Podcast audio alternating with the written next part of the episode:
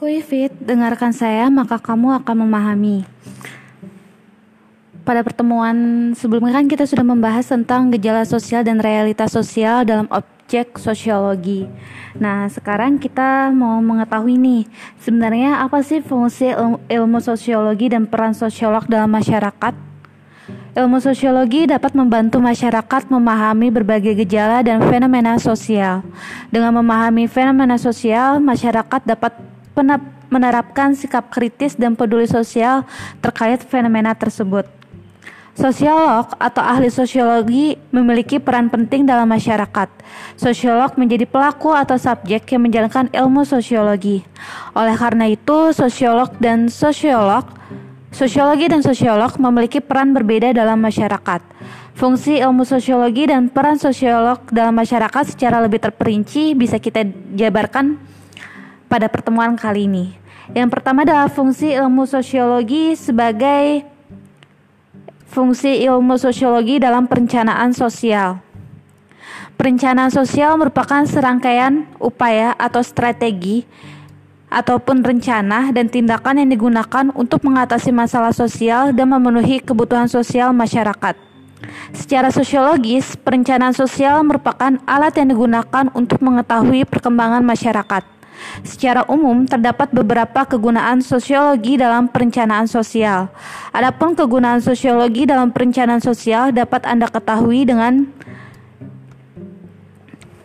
melihat Berbagai program pembangunan yang dilakukan pemerintah terutama berkaitan dengan masyarakat tidak lepas dari peran sosiologi.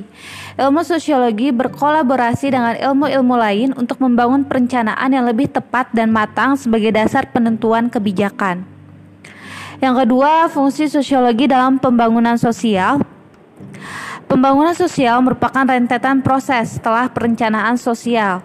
Pembangunan merupakan suatu proses perubahan di segala bidang kehidupan yang dilakukan secara sengaja atas dasar rencana tertentu. Tujuan proses pembangunan adalah meningkatkan taraf hidup masyarakat secara material dan spiritual. Fungsi sosiologi dalam proses pembangunan berbagai dalam terbagi dalam berbagai tahapan. Yang pertama adalah tahapan perencanaan berguna untuk mengidentifikasi berbagai kebutuhan masyarakat. Lalu yang kedua, tahapan pelaksanaan berguna untuk mengidentifikasi kekuatan dalam masyarakat dan pengamatan terhadap perubahan yang terjadi dalam kehidupan masyarakat. Pelaksanaan pembangunan terus diawasi oleh seluruh pihak yang terlibat, baik pihak terlibat secara langsung maupun pihak seperti lembaga swadaya masyarakat agar tidak terjadi penyelewangan.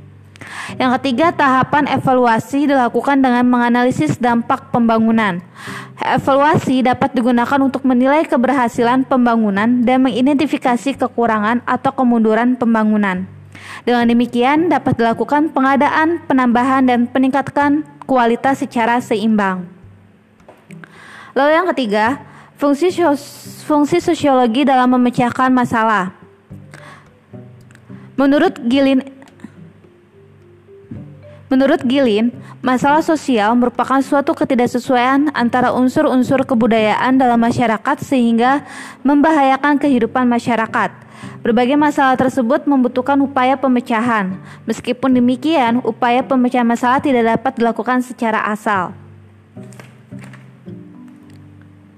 Secara lebih terperinci, fungsi sosiologi dalam pemecahan masalah sosial sebagai berikut. Sosiologi berperan memberikan informasi yang berkaitan dengan masalah sosial sebagai contoh, fakta-fakta sosial, gejala sosial, dan realitas masalah tersebut. Lalu yang kedua, sosiologi berperan memberikan analisis-analisis ilmiah terkait fakta masalah sosial apabila tidak dilakukan tindakan penanganan yang tepat. Lalu yang ketiga, sosiologi berperan memberikan saranan saran secara umum kepada stakeholder pemangku kepentingan yang berperan dalam upaya pemecahan masalah sosial. Dengan demikian, para pemangku ke kepentingan dapat menentukan tindakan-tindakan penanggulangan lebih terperinci untuk menyelesaikan masalah sosial.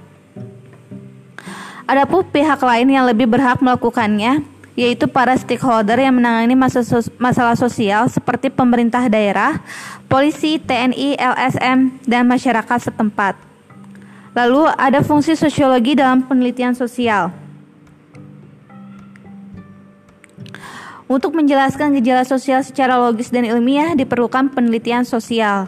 Penelitian sosial dalam sosiologi merupakan penyelidikan untuk mengembangkan teori sosiologi dan menemukan berbagai fakta sosial yang bermanfaat dalam membuat perencanaan, pembangunan, ataupun pemecahan masalah sosial. Sosiologi digunakan untuk memahami berbagai gejala sosial dalam masyarakat. Penelitian sosial dalam sosiologi harus dilakukan dengan metode ilmiah yang sistematis. Pada umumnya, metode penelitian sosiologi dibedakan menjadi kuantitatif dan kualitatif. Lalu, peran sosiolog dalam masyarakat. Sosiolog merupakan seseorang yang memiliki pengetahuan dan pendidikan dengan latar belakang ilmu sosiologi. Melalui pengetahuan yang dimiliki, sosiolog memiliki peran sebagai berikut. Sosiolog sebagai penelitian sosial.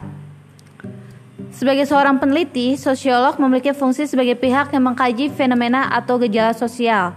Melalui ilmu dan hasil penelitiannya, sosiologi dapat sosiolog dapat menjelaskan berbagai gejala sosial yang terjadi dalam masyarakat. Penelitian sosial memiliki berbagai manfaat. Adapun manfaat penelitian sosial yang pertama adalah manfaat penelitian bagi peneliti, mengembangkan ilmu dan keterampilan yang dimiliki, mempertanggungjawabkan hasil penelitian baik dari diri sendiri maupun orang lain. Dan yang ketiga, meningkatkan karir penelitian. Lalu yang kedua, manfaat penelitian bagi ilmuwan. Yang pertama, menambah khasana ilmu pengetahuan. Yang kedua, menjadi referensi penelitian yang relevan bagi ilmu lainnya. Lalu yang ketiga, manfaat penelitian bagi pemerintah, yaitu memberikan pertimbangan dalam pengambilan kebijakan, memberikan solusi pemecahan masalah sosial dalam masyarakat, dan yang keempat, manfaat penelitian bagi pelajar, yaitu meningkatkan kepekaan sosial, mengembangkan kreativitas, dan menambah pengetahuan. Yang kedua, sosiologi sebagai pendidik profesional, seorang tenaga pendidik yang memiliki latar belakang ilmu sosiologi dapat disebut sosiolog. Melalui pendidikan yang dimiliki, sosiolog mendorong masyarakat berpikir kritis melalui pengajaran atau pendidikan, misalnya melalui profesi guru dan dosen.